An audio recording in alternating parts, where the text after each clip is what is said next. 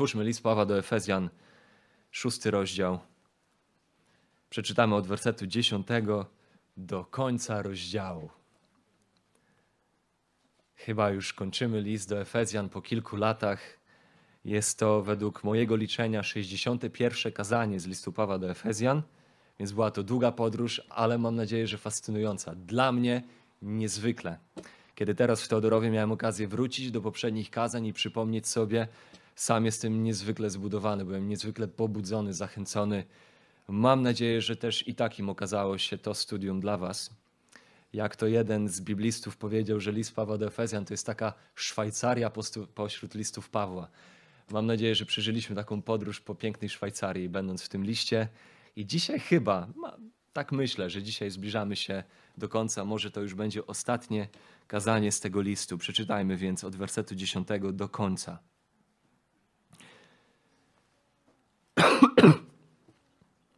W końcu, bracia moi, umacniajcie się w Panu i w potężnej mocy Jego. Przywdziejcie całą zbroję Bożą, abyście mogli ostać się przed zasadzkami diabelskimi, gdyż bój toczymy nie z krwią i z ciałem, lecz z nadziemskimi władzami, ze zwierzchnościami, z władcami tego świata ciemności, ze złymi duchami w okręgach niebieskich. Dlatego weźcie całą zbroję Bożą, abyście mogli stawić opór w dniu złym i dokonawszy wszystkiego ostać się. Stójcie więc, opasawszy biodra swoje prawdą, przywdziawszy pancerz sprawiedliwości i obuwszy nogi, by być gotowymi do zwiastowania Ewangelii pokoju. A przede wszystkim weźcie tarczę wiary, którą będziecie mogli zgasić wszystkie ogniste pociski złego. Weźcie też przyłbicę zbawienia i miecz ducha, którym jest Słowo Boże. W każdej modlitwie i prośbie, zanosząc o każdym czasie modły w duchu, i tak czuwajcie z całą wytrwałością i błaganiem za wszystkich świętych i za mnie, aby mi, kiedy otworzę usta moje, dana była mowa do śmiałego zwiastowania Ewangelii, dla której poselstwo sprawuję w więzach, abym ja mógł z odwagą zwiastować, jak to czynić winienem. O wszystkim zaś, żebyście i wy wiedzieli, co się ze mną dzieje i co porabiam, powiadomi was Tychikus, umiłowany brat i wierny sługa w Panu, którego posłałem do was właśnie po to, abyście dowiedzieli się o tym, co się z nami dzieje i aby pocieszył wasze serca.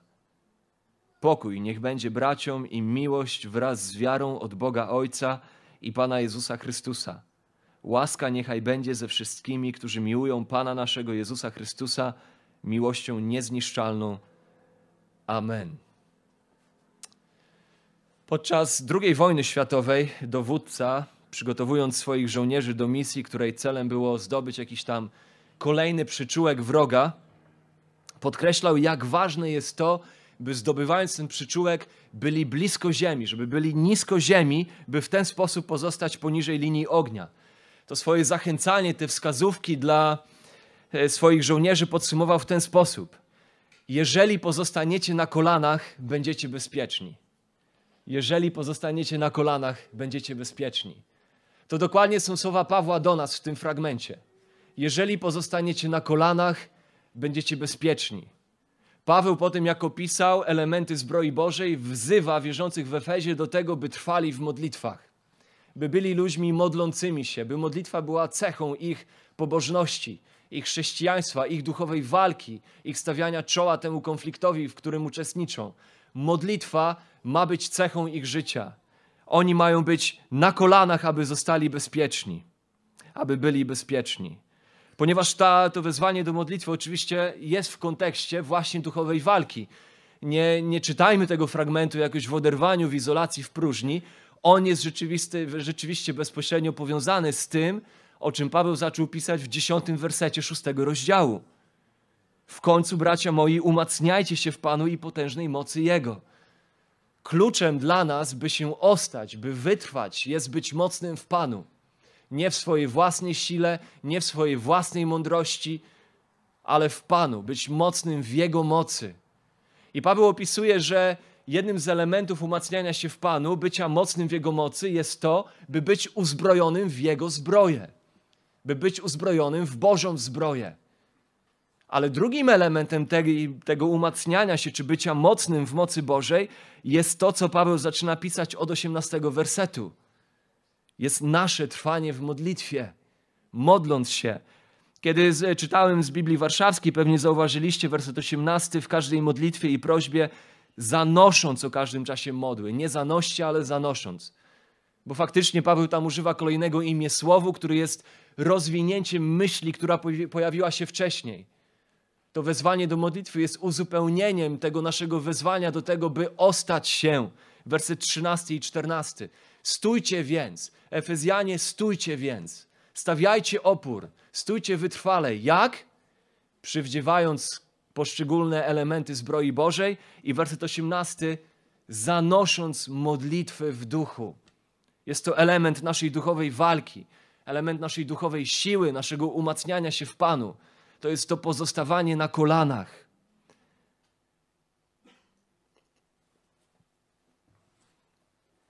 I zauważmy ciekawą rzecz, że Paweł poświęca tutaj, w tym fragmencie, fragmencie duchowej walki, więcej miejsca modlitwie niż jakiejkolwiek części zbroi Bożej.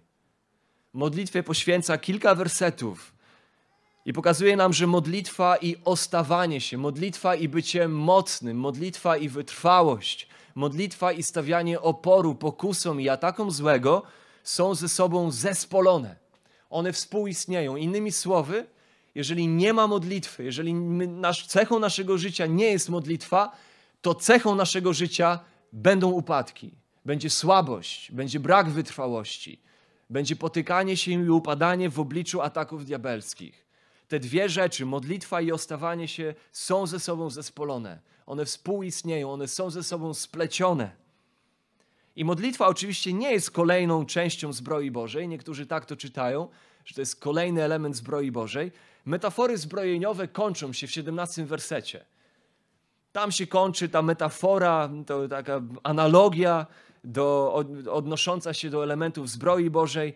Modlitwa jest raczej, można powiedzieć, swego rodzaju parasolem, pod którym wszystko, co Paweł napisał do tej pory, skrywa się. Modlitwa jest takim parasolem, czy takimi zawiasami naszego życia, które obejmują wszystko, do czego Paweł wzywa wierzących, chociażby w szóstym rozdziale od dziesiątego wersetu. Nawet w odniesieniu do tych elementów zbroi Bożej, one mają zawierać się pod naszym oddaniem się modlitwie. Modlitwa jest tym, w czym całe nasze życie powinno się zawierać, pod czym powinno spoczywać. Można powiedzieć, że modlitwa raczej jest takiego rodzaju atmosferą, w której wszystkie wcześniejsze rzeczy istnieją. Jest taką atmosferą, która obejmuje to wszystko, co się zawiera w naszym chrześcijańskim życiu. Wszystko, co chrześcijanin robi, czego chrześcijanin się podejmuje, o co zabiega, musi mieć miejsce w atmosferze modlitwy. Także i tutaj modlitwa jest fundamentalna do właściwego wdrożenia w swoje życie wszystkich elementów zbroi Bożej. Ona jest kluczowa.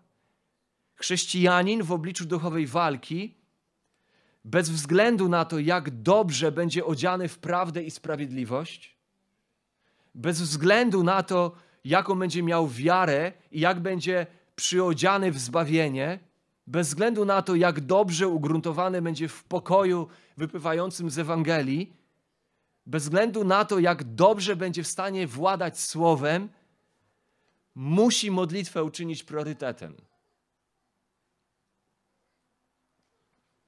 Chrześcijanin jest tym, który walczy na kolanach. Jak ktoś powiedział, po pierwsze modli się, po drugie modli się i po trzecie modli się. Pozostaje bezpieczny tak długo, jak pozostaje na kolanach. Korzystając z tej analogii wskazówek, instrukcji dowódcy dla jego żołnierzy.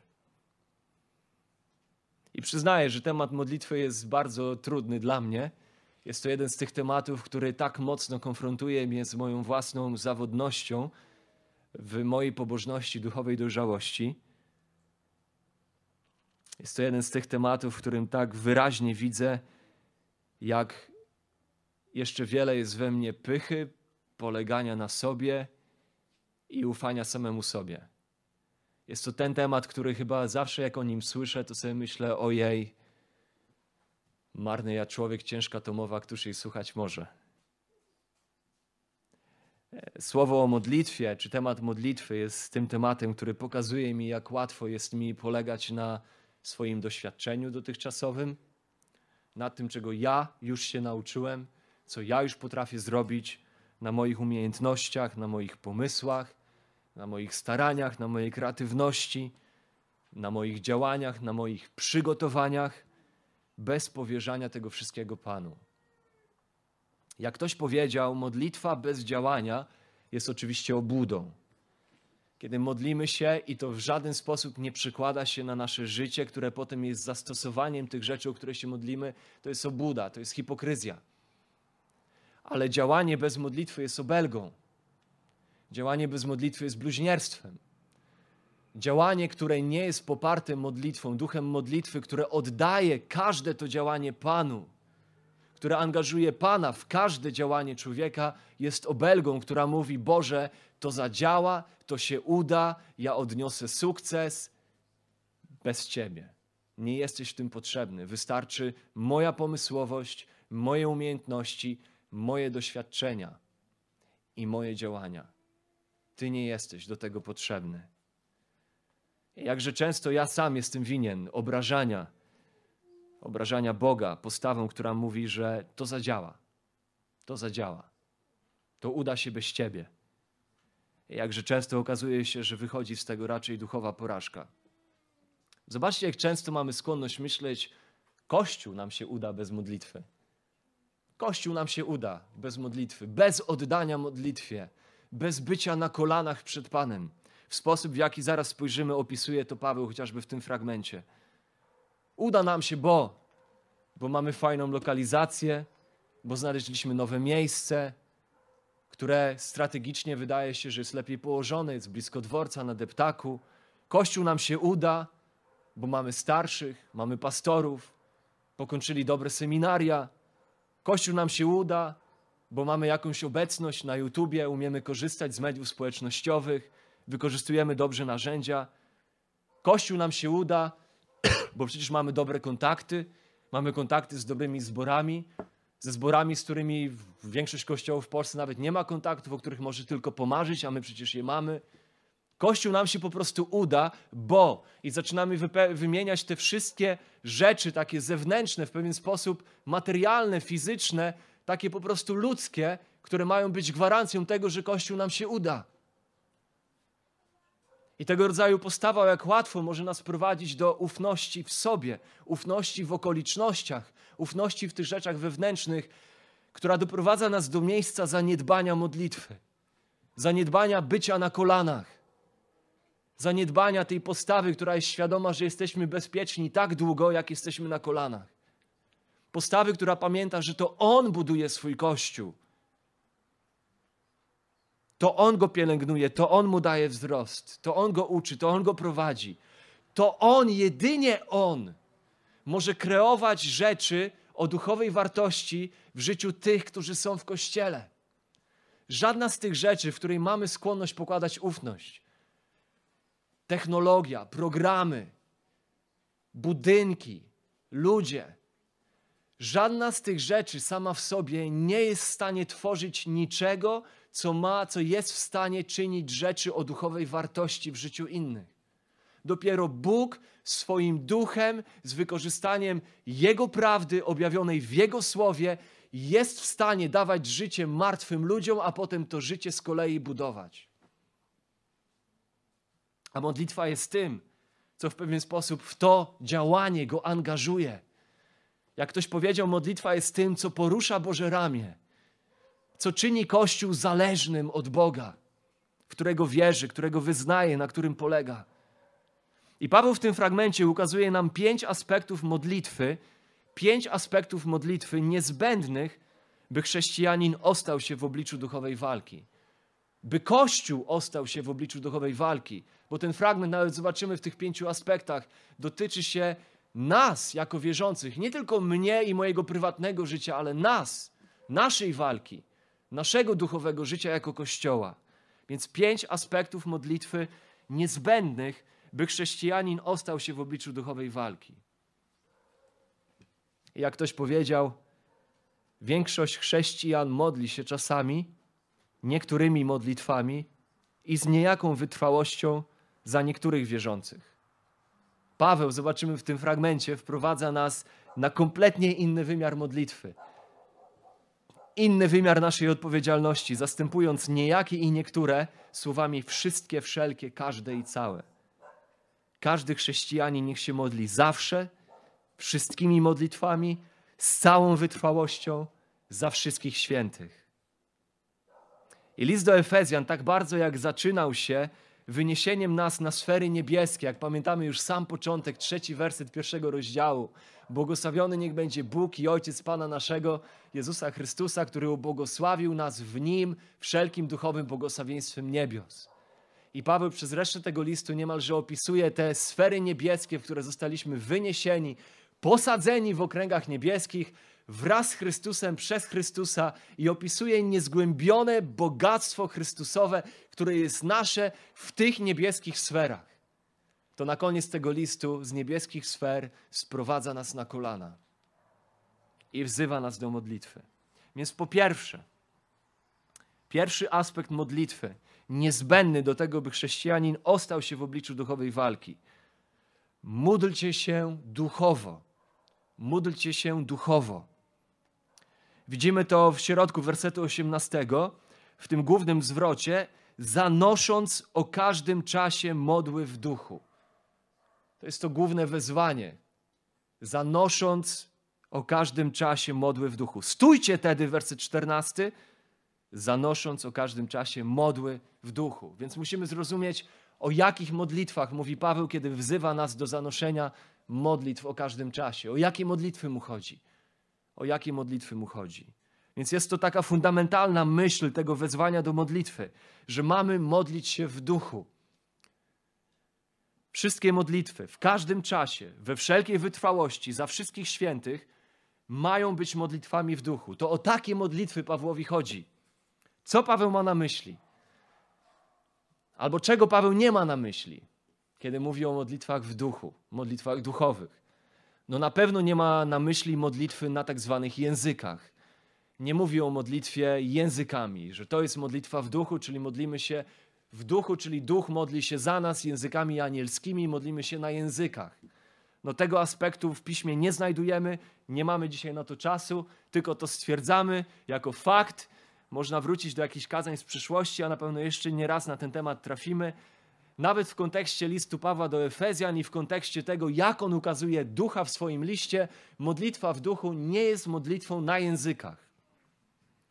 Modlitwa w duchu też nie oznacza modlitwy ekstatycznej czy euforycznej.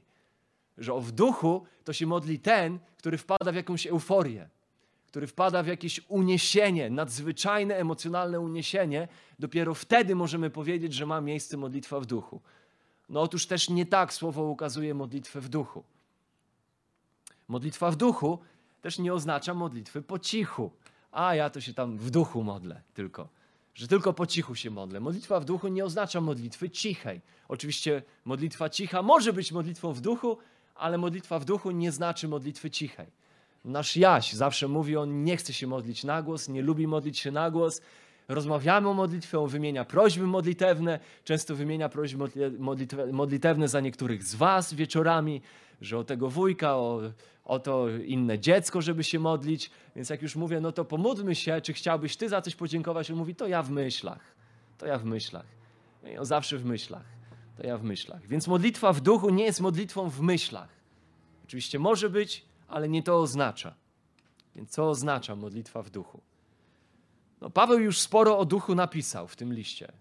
Jeżeli rozumiemy, kim jest duch, jak on działa, co jest jego naturą, po co on jest, po co on jest w nas i co to znaczy, że my w duchu mamy być, chociażby napełniani, to nagle nam się otwiera obraz, kształtuje się obraz tego, co Paweł może mieć na myśli, kiedy mówi o tym, byśmy modlili się w duchu. Duch w pierwszym rozdziale jest tym, który nas pieczętuje, jest rękojmią i zadatkiem naszego zbawienia. Paweł modli się w pierwszym rozdziale od 18 wersetu, modli się o ducha mądrości i poznania dla wierzących w Efezie, żeby duch otwierał oczy ich serca, żeby oni jeszcze lepiej mogli zrozumieć, pojąć te bogactwa teologiczne, które są ich, które do nich należą w Chrystusie, te duchowe bogactwa, ta rzeczywistość duchowa, żeby ten duch jako duch mądrości i poznania działał w nich, wzmacniając ich poznanie, w drugim rozdziale, 18 wersecie, to w tym duchu mamy jedni i drudzy dostęp do jednego Ojca. 2:22 w duchu my budujemy się wespół w mieszkanie Boże. To w duchu nasze budowanie się na mieszkanie Boże ma miejsce. Paweł modli się o ducha na koniec trzeciego rozdziału. Znowu modli się o ducha w życiu tych wierzących ludzi w Efezie, by właśnie przez ducha byli utwierdzeni we wnętrznym człowieku. By ten duch wewnętrznie ich umacniał, utwierdzał, by Chrystus zakrólował, zapanował w ich sercach, by zadomowił się w ich sercach, by oni dzięki temu utwierdzeniu i zadomowieniu się Chrystusa mogli poznać szerokość, długość, głębokość i wysokość miłości Chrystusowej. Czyli znowu mamy ten element poznania, ale poznania, które też przejawia się w doświadczeniu, w doświadczeniu, w przeżywaniu tej miłości, która jest miłością Chrystusową. To duchem mamy być napełniani, piąty rozdział, co w Kolosan Paweł ukazuje jako równoznaczne z byciem napełnianym Słowem Bożym. Efezjan 5:18 bądźcie napełniani Duchem Świętym, Kolosan 3:16 obfitujcie w Słowo Chrystusowe. Obie rzeczy mają ten sam efekt, prowadzą do tych samych rzeczy, są równoznaczne ze sobą, są paralelne. Tutaj mówi o tym, kto nas napełnia, napełnia nas duch. W Kolosan mówi, czym nas napełnia, napełnia nas Słowem Chrystusowym. I duch ma dla nas miecz. Szósty rozdział, werset 17. Duch ma ukuty dla nas przez siebie niebiański miecz, a tym mieczem jest właśnie nic innego jak to Słowo, Słowo Boże. Więc modlitwy w duchu to innymi słowy modlitwy, które są zgodne z duchem. To są modlitwy, którymi niejako możemy powiedzieć, sam duch modliłby się. To są modlitwy, które są równoległe z tym, jakie pragnienia, jakie cele, jakie działania ma duch, o co zabiega duch, kim w swej naturze jest duch, co on czyni, czego on pragnie, jakie wartości są wartościami ducha. Więc można powiedzieć, że modlitwy, jakimi modliłby się sam duch, który, uwaga, de facto jest nam dany między innymi po to, by wstawiać się za nami w modlitwach, wspominając nas w niewysłowionych modlitwach. Rzymian 8, 26 i 27 czytamy, że ten duch to jest ten, który, uwaga, zgodnie z myślą Bożą wstawia się za świętymi. To jest ten, który zgodnie z myślą Bożą wstawia się za świętymi modlitwa w duchu, więc to jest modlitwa, która jest zgodna z myślą Bożą. To jest modlitwa, która jest zgodna z prawdą Bożą. To jest modlitwa, która jest zgodna z duchem, z tym, kim on jest, z tym, co on czyni, jakie są jego wartości. To jest modlitwa zgodna z wolą Bożą, modlitwa zgodna ze Słowem Bożym. To jest modlitwa, o której możemy na pewien sposób powiedzieć, że to jest modlitwa, której autorem jest sam duch. Modlitwa poddana duchowi jako duchowi prawdy zgodna z tym, co On objawił jako duch prawdy, jako prawdziwe, jako Boże, jako słuszne, jako dobre, jako godne uwagi, jako godne pochwały, jako czyste, jako to, co jest cnotą, co jest święte, co jest miłe Bogu. To jest modlitwa w duchu. I tu nam się kształtuje obraz modlitwa w duchu, więc to nie jest euforia, to nie jest uniesienie, to nie jest modlitwa w myślach, to nie jest modlitwa na językach, ale to jest jak najbardziej modlitwa świadoma modlitwa świadoma tego, kim duch jest, czego pragnie, jak działa i co jest jego prawdą. Modlitwa, która jest równoległa duchowi. Innymi słowy, modlitwa w duchu to nie modlitwa o to, co mi ślina na język przyniesie. To nie modlitwa do realizowania siebie w chwilach modlitwy, że o w końcu teraz ja mam okazję powiedzieć, co ja myślę, więc wykorzystam modlitwę do tego. Modlitwa w duchu to nie modlitwa o moje ambicje i o moje zachcianki, ale modlitwa, która chce szukać i rozumieć to, co jest pragnieniem Bożym. Modlitwa, która jest modlitwą zgodną z myślą Bożą, jak czytaliśmy w Rzymian 8:27. Innymi słowy, modlitwa w duchu to nie modlitwa, która jest dla mnie okazją do wylania swoich nauk, na przykład że teraz w modlitwie wykorzystam czas na to, żeby powiedzieć, co tak naprawdę myślę o wszystkim i o wszystkich. Mieliśmy raz styczność z taką osobą, która zawsze wykorzystywała modlitwę, modliła się bardzo długo, nawet pół godziny, ale tak naprawdę to, te modlitwy były zawsze mini kazaniem, konfrontującym, napominającym i korygującym wszystkich innym i wszystko, co na przykład na studium biblijnym zostało powiedziane. To była modlitwa, która była tak naprawdę okazją do pouczenia i wytknięcia błędów innym. Modlitwa w duchu to nie modlitwa do wylania swoich żali na kogoś. To nie, modlitwa, to nie modlitwa, która jest okazją do plotkowania też na przykład. Modlitwa w duchu to nie modlitwa na pokaz. To nie modlitwa, która jest modlitwą po to, by stworzyć jakieś wrażenie na swój temat. modlitwa w duchu to nie modlitwa o to, co mi się wydaje, że jest prawdziwe i ważne, tylko modlitwa szukająca tego, co jest ważne dla Boga, szukająca woli Bożej, wyrażająca wolę Bożą. Nie bez powodu w Ewangelii Jana, w liście Jakuba wzywani jesteśmy, czy nawet w Ewangeliach, wzywani jesteśmy w przykładzie modlitwy pańskiej, wzywani jesteśmy do tego, by modlić się o wolę Bożą i zgodnie z wolą Bożą. To jest modlitwa, która podoba się Panu i to jest modlitwa, która jest modlitwą w duchu. To są modlitwy, które dążą do tego, by kalibrować swoje myśli, swoje uczucia, swoje pragnienia i swoje przekonania z myślami, pragnieniami, przekonaniami Ducha Bożego. To znaczy samego Boga. To jest modlitwa w duchu. To jest modlitwa, która chce się modlić zgodnie z wolą Bożą. Modlitwy Pawła, oczywiście chociażby z listu do Efezjan, są wspaniałymi przykładami takich modlitw. Chociażby tylko z listu Pawła do Efezjan.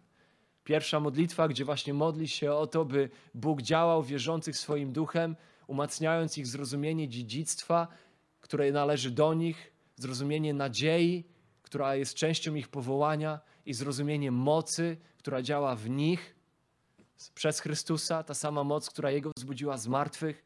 Potem ta druga modlitwa, modlitwa modląca się właśnie o utwierdzenie ich w sercach, żeby Chrystus się rozdomowił w nich.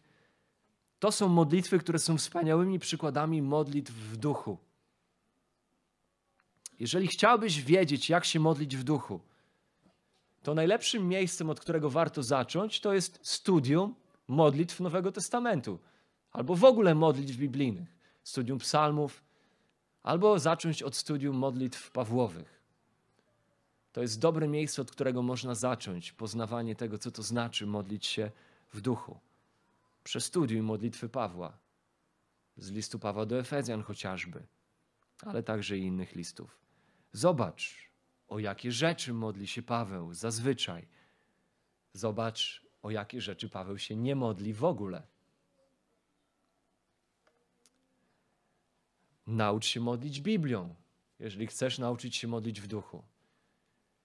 To znaczy nie recytuj jej słowo w słowo bezmyślnie, ale otwórz sobie jakiś fragment, na przykład fragment jakiegoś psalmu, albo fragment jakiejś obietnicy Bożej, albo fragment ukazujący coś na temat charakteru Bożego i tymi wersetami zacznij chwalić Boga, albo tymi wersetami zacznij dziękować Bogu. To są modlitwy, które nauczą Ciebie modlić się w duchu, nauczą się modlić, a nauczą Cię modlić się Bożymi słowami, Bożym zamysłem, zgodnie z Bożą myślą, tak jak duch modli się, kiedy wstawia się za nami w niewysłowionych modlitwach. I nawet tutaj, w tym fragmencie, wersy 19 i 20 podaje nam przykład takiej duchowej modlitwy. Paweł mówi: I módlcie się za mnie, aby mi, kiedy otworzę usta moje, dana była mowa do śmiałego zwiastowania Ewangelii, dla której poselstwo sprawuje w więzach, abym mógł ją zwiastować z odwagą, jak to czynić winienem. Oto tutaj nawet jest przykład takiej duchowej modlitwy. Zobaczmy, że Paweł w tej sytuacji, w jakiej był, mógłby modlić się o swoje uwolnienie. Prawda? no to wydaje się, pewnie to myślę byłaby pierwsza modlitwa na moich ustach, może też i na waszych. A modli się o duchową wolność dla tych, którzy znaleźli się w jego sferze wpływu z powodu jego więzów. Ma na uwadze ich duchową wolność i to, by te więzy były wykorzystane dla sprawy Ewangelii. Paweł mógłby modlić się o poprawienie swoich warunków w więzieniu. Możemy domyślać, że te warunki no, były więzienne, Oczywiście w innym więzieniu i w innej sytuacji pisany był drugi list Pawła do Tymoteusza, ale tam z tego listu wiemy, że jego sytuacja w więzieniu, przynajmniej tam u schyłku jego życia, była bardzo trudna. a wielu ludzi już go opuściło, nie było nikogo w jego obronie, było mu zimno, nie miał ze sobą swego płaszcza. Ta sytuacja była trudna i tam mówi, ale Pan stał przy mnie i dodał mi sił. Co tym bardziej pokazuje, jak bardzo Paweł musiał czuć się słaby w potrzebie wzmocnienia. A jednak nie modli się o poprawienie swoich warunków, a modli się o poprawę swej odwagi w głoszeniu. Czyż to nie konfrontuje nas z tym, jak my często się modlimy? Mógłby modlić się o zamknięcie ust fałszywym oskarżycielom, przecież to z tego powodu w ogóle znalazł się w tym więzieniu. Został fałszywie oskarżony jeszcze w Jerozolimie. Ludzie fałszywie go oskarżali. Był niewinny. A modli się nie o zamknięcie ust fałszywym oskarżycielom, a raczej o otwarcie swoich ust do zwiastowania. Zastanawiam się, jak często moje modlitwy odzwierciedlają charakter bardziej modlitw do pogańskich bogów, znanych nam z literatury antycznej, gdzie to wszystkie modlitwy do pogańskich bogów skupiały się na wołaniu o poprawę sytuacji materialnej, swojego życia, sytuacji fizycznej, różnego rodzaju korzyści. Jak bardzo wartości, których pragnę w swoim życiu, czy też życiu innych wierzących, i wartości, które budzą we mnie największą wdzięczność, jak bardzo one w rzeczywistości są tymi samymi wartościami, których pragnął Paweł w życiu wierzących i które pobudzały w nim największą wdzięczność. Czy to faktycznie są te same rzeczy, do których moje serce jako pierwsze, jak w pierwszorzędnie się wyrywa, kiedy chcę się modlić? Módlcie się więc w duchu. Po drugie, módlcie się każdą modlitwą, czy też módlcie się różnorodnie, módlcie się każdą modlitwą. Na samym początku czytamy w każdej modlitwie, w każdej modlitwie i prośbie zanosząc modły w duchu. Jak tłumaczy to jeden z przykładów angielskich, w każdym rodzaju modlitwy i prośby. W każdym rodzaju modlitwy i prośby. I tak też najlepiej rozumieć ten zwrot. Paweł używa tutaj dwóch słów, które wyrażają różnorodność modlitw człowieka wierzącego. Każdą ich formę, każdą okazję, każdy styl. Czy to modlitwy prywatne, czy modlitwy publiczne. Czy ciche, czy głośne. Czy zaplanowane, czy spontaniczne. Czy na stojąco, czy na siedząco, czy klęcząco, czy leżąco. Czy modlitwy w pracy, czy w autobusie, czy w domu, czy w kościele, czy w podróży w każdej modlitwie, zaangażowani w każdą modlitwę i w każdą prośbę, w każdej modlitwie i w każdej prośbie różnorodnie. Ale nie tylko to, ale każda modlitwa, każdy rodzaj modlitwy. To znaczy, że moje modlitwy mają zawierać każdy jej rodzaj, każdy jej element. To znaczy, że to mają mieć miejsce modlitwy dziękczynne, modlitwy uwielbiające Boga, modlitwy wyznające moje grzechy, modlitwy wstawiające się za innych wierzących. Chrześcijanin musi być człowiekiem każdej modlitwy i każdej prośby. Jeżeli widzę w swoim życiu, że jeden rodzaj modlitwy dominuje mój czas modlitwy, że jest to na przykład zawsze proszenie o coś, no to ten fragment przypomina mi, że żeby zrównoważyć to z każdym rodzajem modlitwy i prośby, żeby nauczyć się dziękować Bogu, nauczyć się wielbić Boga, nauczyć się regularnie wyznawać Jemu swoje grzechy. Chrześcijanin musi być człowiekiem, dla którego każde miejsce staje się miejscem do każdej modlitwy. Podobne wyzwanie widzimy w 1 Tymoteusza 2:1, gdzie Paweł pisze: Przede wszystkim więc napominam, aby zanosić błagania, modlitwy, prośby, dziękczynienia za wszystkich ludzi. Dobrym miejscem, od którego warto zacząć, jest studiowanie psalmów. Studiuj psalmy. Tam jest niezwykła różnorodność modlitw. Tam znajdujemy każdy rodzaj modlitwy. Okazuje się, że sporo osób nie wyznaje swoich grzechów Panu. Nawet jeżeli wyznajemy grzechy Panu, wyznajemy je tak bardzo po łebkach, pobieżnie, powierzchownie. Niewiele osób potrafi wielbić Boga albo Mu dziękować w jakiś taki intencjonalny sposób, rozumiejący to, kim On jest w swoim charakterze i co On czyni w swoich dziełach. No bo za co dziękować z drugiej strony, kiedy uważamy często, że to, co mamy, nam się należy I jedynymi, którym należy gratulować, to my sami. Więc okazuje się, że brakuje nam często w życiu modlitw dziękczynnych, co jest objawem wiele głębszego problemu. Że po prostu brak nam dziękczynienia, bo bierzemy już za normalność wiele rzeczy, które w życiu mamy. Albo w naszym życiu jest więcej narzekania niż dziękowania. Postawy, która jest postawą tego, że coś mi po prostu się należy, więc nigdy powodów do dziękowania nie mam.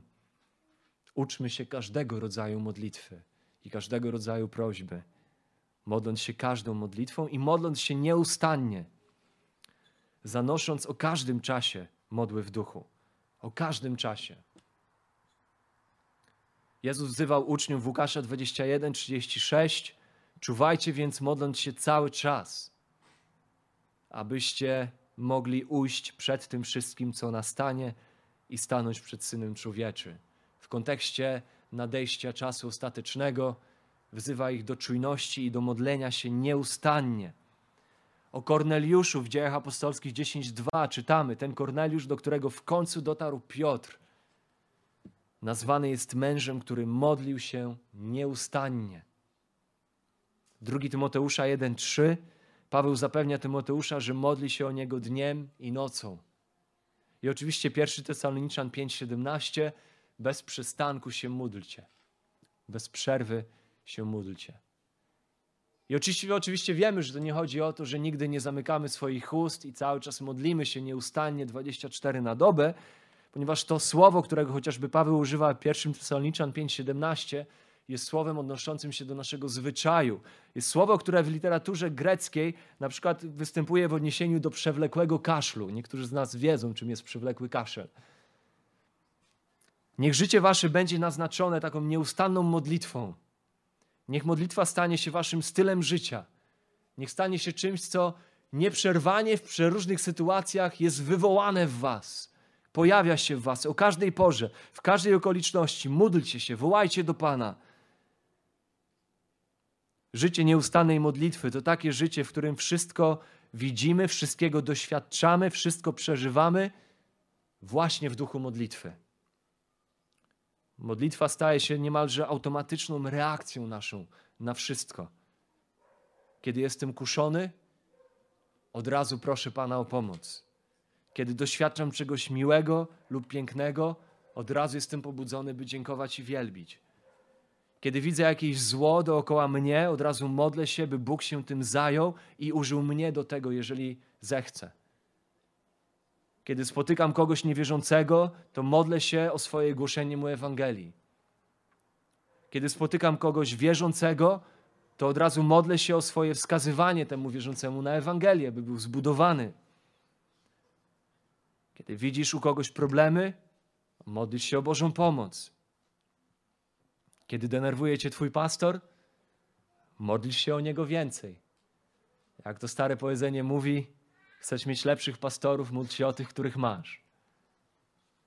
To znaczy, że Twoje myśli, że moje myśli są stale skupione na rzeczach niewidzialnych, które są wieczne, a nie na rzeczach widzialnych, które są doczesne, nie na okolicznościach, ale na Panu, który jest naszym Panem i pod którego panowaniem nasze życie się rozgrywa.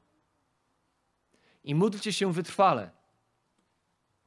Módlcie się wytrwale. Módlcie się w duchu każdą modlitwą nieustannie i wytrwale. Paweł pisze: I tak czuwajcie z całą wytrwałością. Dosłownie oznacza ten zwrot pozostawanie obudzonym, niespanie. Pobudzanie, pozostanie obudzonym, trzeźwym, niespanie odnosi się do nastawienia duchowej czujności. Podobnie Piotr ostrzega wierzących: bądźcie czujni, pamiętamy ten werset, gdyż diabeł chodzi w koło jak lew ryczący, szukając kogo by pochłonąć, więc bądźcie czujni, nie śpijcie, bądźcie trzeźwi, obudzeni, pobudzeni. Tutaj jednak ta sama czujność jest powiązana z modlitwą. Niech to samo, to samo nastawienie ma miejsce w odniesieniu do modlitwy. Jezus wzywa uczniów, Marka 13:48. Czuwajcie i módlcie się, abyście nie popadli w pokuszenie. Duch wprawdzie jest ochotny, ale ciało mdłe. Do takiej postawy wzywa także w odniesieniu do jego powtórnego przyjścia. Jezus wzywa w odniesieniu do Jego powtórnego przyjścia. Czytaliśmy to w Łukasza 21, 34 do 36. Czuwajcie więc, modląc się cały czas. Jest to postawa czujności, baczności, która jest postawą w odróżnieniu do, do letargu, do ospałości, do duchowej anemii, do duchowej niewrażliwości, do postawy lekceważenia, do postawy niedbalstwa. Dodatkowo mamy modlić się z całą wytrwałością, nie tylko czujnie, ale z wytrwałością. Czujni z wszelką wytrwałością, z całą wytrwałością. Tutaj z kolei jest słowo, które oznacza cierpliwość, a nawet wierność. Paweł wzywa w Rzymian 12:12, 12, by wierzący byli w nadziei radośni, w ucisku cierpliwi, w modlitwie wytrwali. Czy inny przykład, modlitwie oddani. To jest to słowo. Modlitwie oddani. Coś, czemu wierzący mają być oddani. Łukasz stale używa tego słowa, by opisać wczesny Kościół. Dzieje 1:14. Ci wszyscy trwali jednomyślnie w modlitwie. 2:42. I trwali w nauce apostolskiej i we wspólnocie, to znaczy w łamaniu chleba i w modlitwach. I dzieje apostolskie 6:4 apostołowie mówią o sobie, my zaś będziemy pilnować, poświęcać się, inny przekład. My będziemy poświęcać się modlitwie i służbie słowa. Inny wymiar tego słowa poświęcenie, oddanie. To jest postawa, która ma charakteryzować modlitwy wierzących, do których Paweł pisze ten list w kontekście duchowej walki. Poświęcenie siebie modlitwie, postawa oddania, wierności, wytrwałości, determinacji w modlitwie. To znaczy, że czasami modlitwa może nas coś kosztować. To słowo zawiera w sobie pewien koszt, poniesienie kosztu w innych sferach. No jeżeli to oznacza, że ja mam być poświęcony w modlitwie, to znaczy, że z czegoś muszę zrezygnować, by się modlić w ten sposób. To znaczy, że są rzeczy, którym będę musiał powiedzieć nie, by modlitwie móc powiedzieć tak, by być jej oddanym. Bycie oddanym czemukolwiek objawia się w tym, że innym rzeczom mówię nie na rzecz tej rzeczy, jest, której jestem oddany. I niesamowite jest to, co ludzie są w stanie osiągnąć przez wytrwałość w wielu dziedzinach życia. No jest to niepojęte, jakie szczyty ludzie są w stanie zdobyć. Ponadludzkie wyniki w sporcie, czy wynalezienie żarówki. No ludzkie oddanie, poświęcenie się jakiemuś celowi prowadzi do niezwykłych rzeczy. Jak wyglądałoby duchowe życie nasze? Zastanawiam się, moje. Jak wyglądałoby duchowe życie Kościoła, który by był czujny i wytrwały w modlitwie w sposób, w jaki opisuje to Paweł tutaj. Zawsze, w każdej modlitwie, z wszelką wytrwałością i czujnością. Jak by wyglądało nasze życie duchowe? Jak by wyglądało życie Kościoła? Gdyby to była ta rzecz, której my się poświęcamy i której jesteśmy oddani.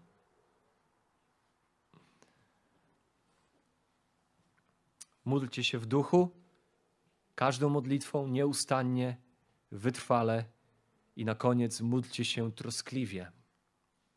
Módlcie się troskliwie. Czuwajcie z całą wytrwałością i błaganiem za wszystkich świętych i za mnie. Za wszystkich świętych i za mnie. Paweł wiele miejsca już w tym liście poświęcił na ukazanie, jak łaska Boża dokonuje cudu nie tylko w relacji człowieka z Bogiem, nie tylko w kwestii jego pojednania z Bogiem, rozwiązania problemu jego grzechów przed Bogiem i bycia poróżnionym z Bogiem, ale jak Ewangelia i łaska Boża dokonuje, dokonuje cudu na płaszczyźnie poziomej relacji grzeszników ze sobą nawzajem, kiedy oni zespoleni w Chrystusie stają się zespoleni ze sobą nawzajem. Kiedy to On burzy mury nieprzyjaźni, rozdziela tą zasłonę i sprawia, że stają, się jednym człowiekiem, którzy są w jednym domostwie pańskim, w jednym duchu, mają przystęp do jednego Ojca i budują jeden dom na mieszkanie Boże w duchu. Bardzo wiele miejsca w tym liście poświęcił na ukazanie tego, że Kościół jest Jego rodziną, że jest Jego budowlą, że jest Jego ciałem, którego On jest głową, że jest objawieniem Jego nadzwyczajnej mądrości, trzeci rozdział, dziesiąty werset, że to On przez Kościół sobie upodobał ukazać różnorodną mądrość Bożą, nad ziemskim władzą i zwierzchnością. W rozdziale czwartym pragnie, aby to Kościół jako ciało wzrastał w zdrowiu i dojrzałości. I tutaj po raz kolejny Paweł podkreśla ważność Kościoła w życiu Kościoła. Ważność Kościoła w życiu chrześcijan, w życiu chrześcijanina, kiedy zaznacza, że nasze modlitwy mają być modlitwami za wszystkich świętych. Że to zespolenie ze sobą tych dwóch elementów, nasze bycie mocnymi, nasze ostawanie się w duchowej walce jest zespolone z modlitwą, ale modlitwą o siebie nawzajem. Modlitwą, która jest skupiona na innych. Modlitwą, która woła za innych, prosi za innych, prosi o innych i wstawia się za innymi. Oczywiście my rozumiemy wezwania Nowego Testamentu, te wezwania jedni drugich. Miłujcie jedni drugich, napominajcie jedni drugich, troszcie się jedni o drugich, zachęcajcie jedni drugich, noście brzemiona jedni drugim, usługujcie jedni drugim. Tutaj natomiast mamy módlcie się jedni za drugich. Módlcie się jedni za drugich. Paweł chce, Paweł pragnie, żeby wierzący w Efezie mieli ogromne poczucie odpowiedzialności za siebie nawzajem. Jako o wierzących, jako o świętych. Odpowiedzialność za duchowe ostanie się w obliczu walki Kościoła z siłami ciemności. Jakoby Paweł niemalże mówi: Widzisz, jak święci wokół ciebie upadają i nie są w stanie ostać się? Paweł mówi: A może jednym z powodów tego jest to, że ty nie modlisz się o nich. Może jednym z powodów jest to, że nie jesteście kościołem, który intencjonalnie, w sposób zaplanowany, zdeterminowany, włącza to, wplata to w plan swojego życia, by modlić się o wszystkich świętych, którymi jestem otoczony w swoim życiu, w swoim kościele. Więc w kontekście tej duchowej walki, zawsze modląc się w duchu, modlimy się o innych. Pamiętam, byłem w jednym kościele, który miał praktyką, praktyką tego kościoła.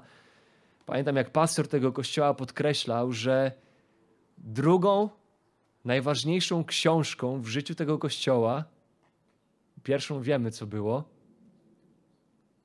Słowo Boże, oczywiście, dla tych, którzy nie wiedzą. Drugą najważniejszą książką w życiu tego kościoła, pastor podkreślał, był y, spis członków. Mieli książeczkę, w której było zdjęcie każdego członka kościoła. Ta książka była tylko dla członków. Oczywiście można było do niej mieć też dostęp jakiś tam. Tam to było w kraju, w którym RODO nie działa aż tak jak u nas. Y, było zdjęcie każdego członka kościoła, y, jego imię, nazwisko.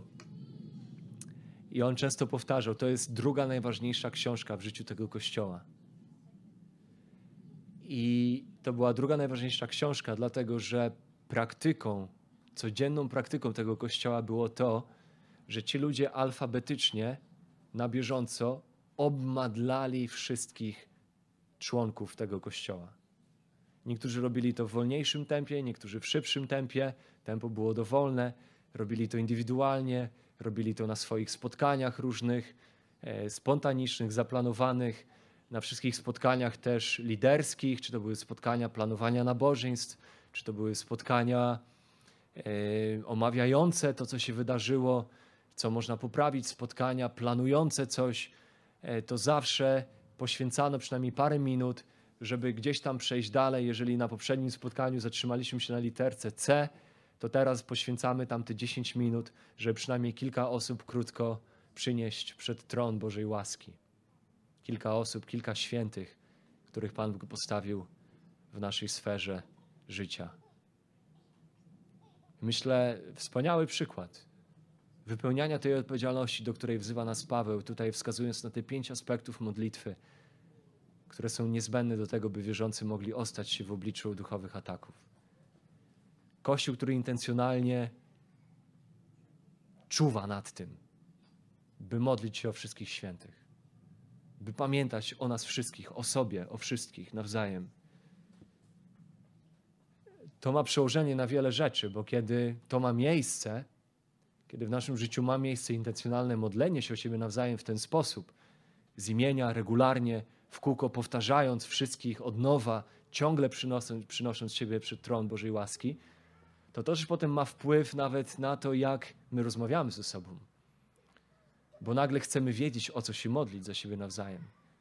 Chcemy wiedzieć, za jakie rzeczy możemy dziękować, za jakie rzeczy już się modliliśmy i chcemy wiedzieć, jak Pan Bóg odpowiada ewentualnie na te modlitwy w życiu innych ludzi. Chcemy wiedzieć dalej, o co się modlić za nich, z czym się zmagają, czego się boją, co jest dla nich trudne.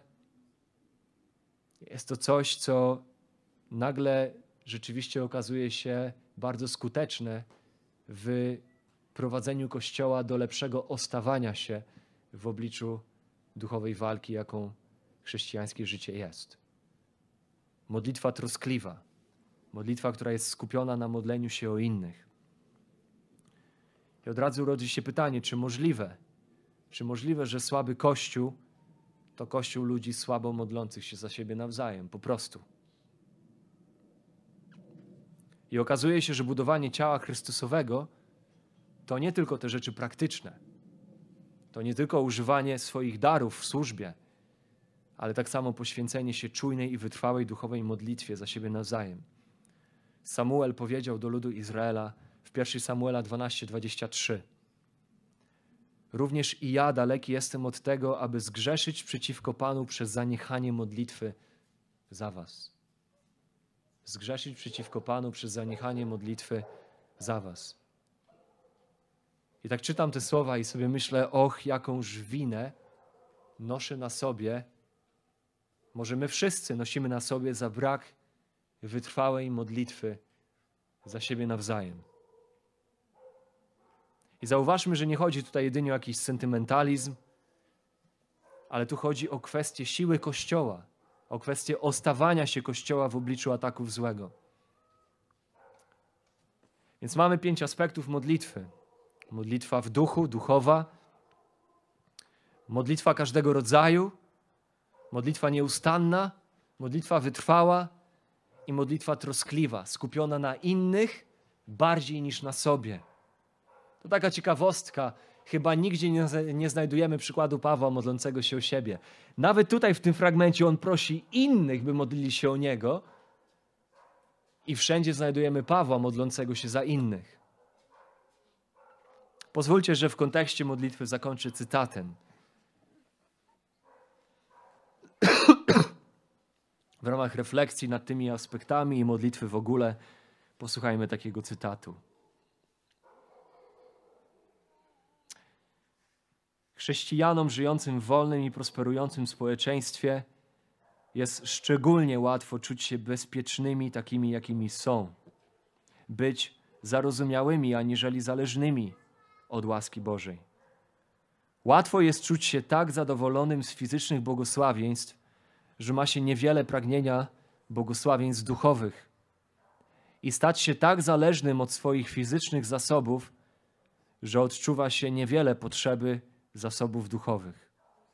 Kiedy programy, metody i pieniądze generują tak widzialne i imponujące rezultaty, pojawia się skłonność, by mylić ludzki sukces z boskim błogosławieństwem. Szczęśliwe małżeństwo, dobrze zachowujące się dzieci i pozornie wzrastający kościół mają skłonność prowadzić ludzi do zadowolenia z siebie.